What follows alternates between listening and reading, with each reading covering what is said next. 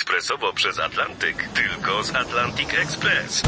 Z nami wyślesz co chcesz, kiedy chcesz, do kogo chcesz i to o 40% taniej. W Atlantic Express wysyłamy wszystko, co chcesz. 1 800 775 7363. Mienie przesiedleńcze, kontenery, paczki do Europy. Atlantic Express to 30 lat doświadczenia i o 40% niższe ceny na wysyłki kontenerów, samochodów i paczek. Ekspresowo przez Atlantyk tylko z Atlantic Express.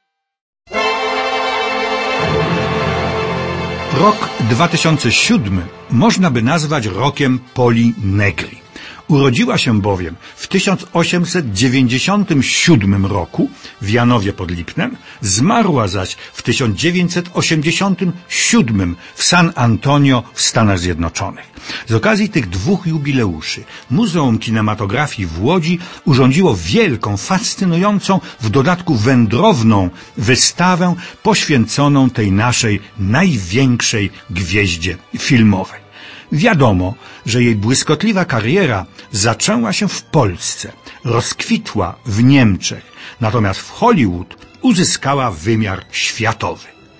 Pola Negri, pierwotnie Barbara Apolonia Chałupiec, znana była nie tylko z ekranu, ale w równej mierze z łamów prasy, opisującej z lubością jej liczne, pikantne romanse i o zawrót głowy przyprawiające arystokratyczne małżeństwa. Bohaterki, które grała Pola Negri, określano jako kobiety zmysłowe i demoniczne. Wampy równie piękne, co złowrogie i niszczące.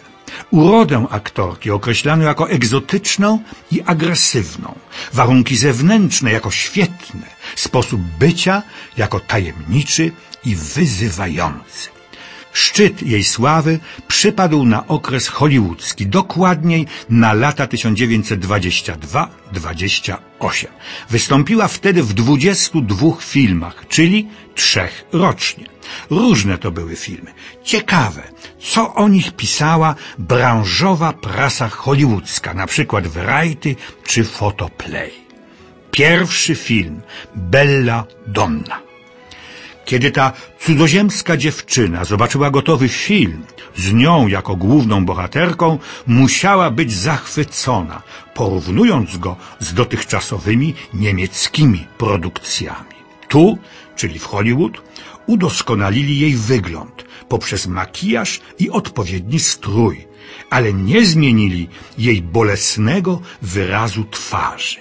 Jako wamp nie ma jednak sobie równych szybko zapomnicie o pozostałych aktorach. I drugi, jakże charakterystyczny głos prasowy. Wszyscy bardzo się starali, żeby nie uchybić normom obyczajowym i uczynić z Poli sympatyczną grzesznicę. Pola jest nienaturalna, bo usiłuje być dobrą kobietą, choć tak naprawdę to umiera z nudów. Pola Negri jest wielką aktorką. Nawet w sytuacjach sztucznych i absurdalnych potrafi wydobyć ze swojej postaci myśli i uczucia przejmujące. Ale zabrakło jej tej spontaniczności, jaką miała w niemieckich filmach Carmen i Madame du Barry. Taki był początek. Najlepszymi filmami amerykańskimi były bezsprzecznie dwa – Cesarzowa i Hotel Imperial. W pierwszym zagrała cesarzową carycę umownego państwa bałkańskiego uwikłaną w spiski i miłostki. Chwalono powszechnie reżysera Ernesta Lubicza za subtelnie ironiczne spojrzenie na tę opowiastkę, a Polę Negri za dojrzałe aktorstwo, znakomicie oddające dwuznaczność bohaterki. Hotel Imperial reżyserował inny, importowany z Europy znakomity twórca, szwedzki, Maurycy Stiller. Chwalono reżyserię, chwalono Polę Negri, miano jednak pretensje do banalnego scenariusza.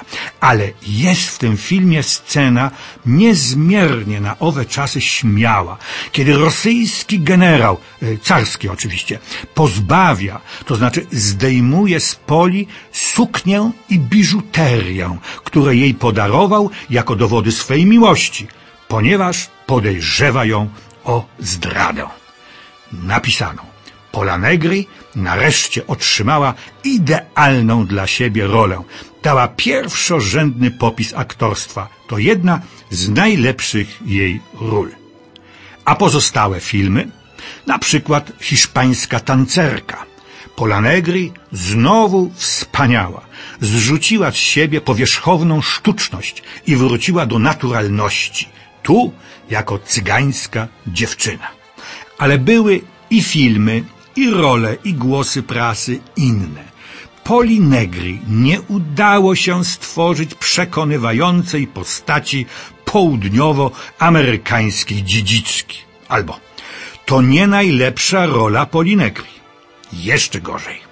Pola zagrała fatalnie. Zły film i zła rola. Ale pisano też z sympatią i zrozumieniem. W tym filmie Negri jest zupełnie inna. Nie wpadajcie w popłoch. To bardzo korzystna zmiana. Czasami prasa radziła. Lepiej, żeby tę rolę zagrała Gloria Swanson. Dodam, była najpoważniejszą rywalką naszej Poli. Jednak i tak stwierdzano. Pola Negri pozostaje kartą atutową wytwórni Paramount. Co więcej, zaczęto proponować jej inne od dotychczasowych role. Dramatyczne, skomplikowane, ambitne. Obawiano się tylko, czy publiczność przyjmie te zmiany. Ale rewolucja dźwiękowa radykalnie odmieniła sytuację. Także dla Polinegry była poważnym wyzwaniem. Jak sobie z nim poradziła? No, to już temat na inne opowiadanie.